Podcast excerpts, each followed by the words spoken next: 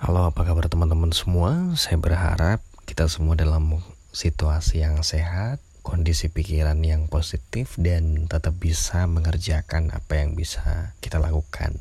Nah, pada episode yang pertama ini, saya pengen ngobrolin tentang how to be an extraordinary person. Gimana kita bisa menjadi pribadi yang luar biasa. Ketika kita berbicara tentang orang biasa ya, label orang biasa.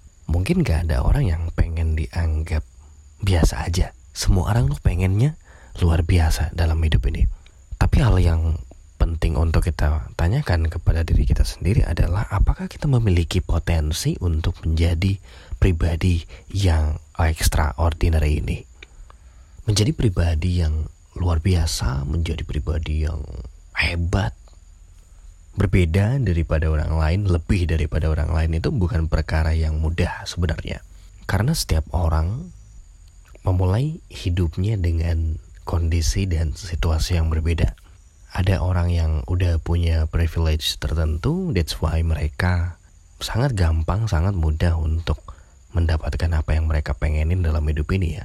Sedangkan di sisi lain mungkin ada orang yang apa pun yang dia coba untuk impikan itu semua sangat sulit untuk dimiliki atau dicapai. Menjadi pribadi yang luar biasa di sini bukan tentang apa yang telah kita capai, apa yang telah kita miliki saat ini, tapi kita pengen ngobrolin what we must have behind all of them.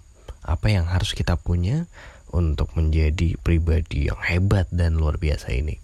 Maka saya pengen mengawali ini dengan sebuah konsep, dengan sebuah prinsipal di mana kita harus memiliki pikiran yang besar.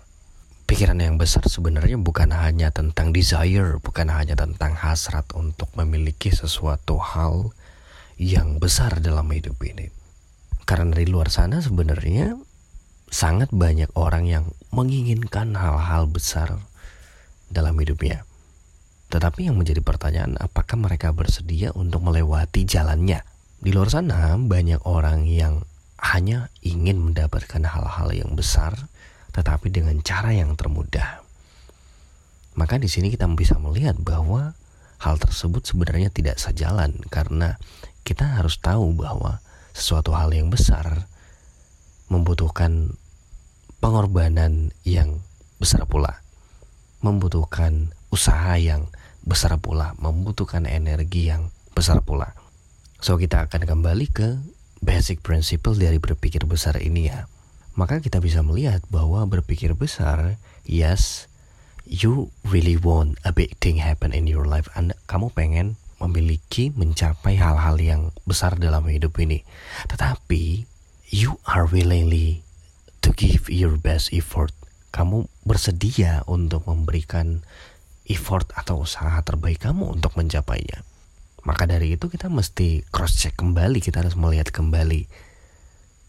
Ketika kita pengen sesuatu, apakah kita bersedia untuk melakukan sesuatu yang sebesar apa yang kita inginkan itu.